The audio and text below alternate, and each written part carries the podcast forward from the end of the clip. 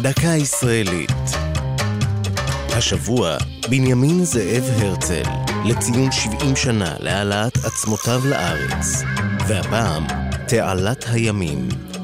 אחרי ביקורו של הרצל בארץ ישראל בסוף המאה ה-19, החל חזונו בנוגע למדינת היהודים ללבוש צורה מוחשית. עם שובו לגרמניה, הוא תיאר אותו בספרו החדש, אלטנוילנד, ארץ ישנה חדשה, שתורגם מאוחר יותר בידי נחום סוקולוב בכותרת תל אביב. הספר מתאר את סיפורו של דוד, צעיר יהודי וינאי הבא לארץ. הוא מספר כיצד הופרחה בהשממה בעקבות הקמת מדינת היהודים. הרצל מרבה לעסוק בספרו בטכנולוגיה העתידית במדינת ישראל האוטופית. כך מתואר בספרו כיצד הצליחו תושבי הארץ לנצל את הבדלי הגובה בין מפלס הים התיכון למפלס ים המלח ליצירת חשמל.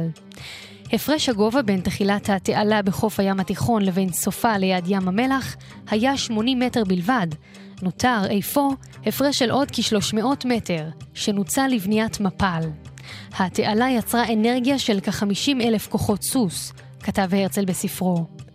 מיזם תעלת הימים המתואר באלטנוילנד זכה אמנם במהלך השנים להתעניינות רבה, אולם עד עתה נדחו הצעות שונות למימושו, מטעמים סביבתיים וכלכליים.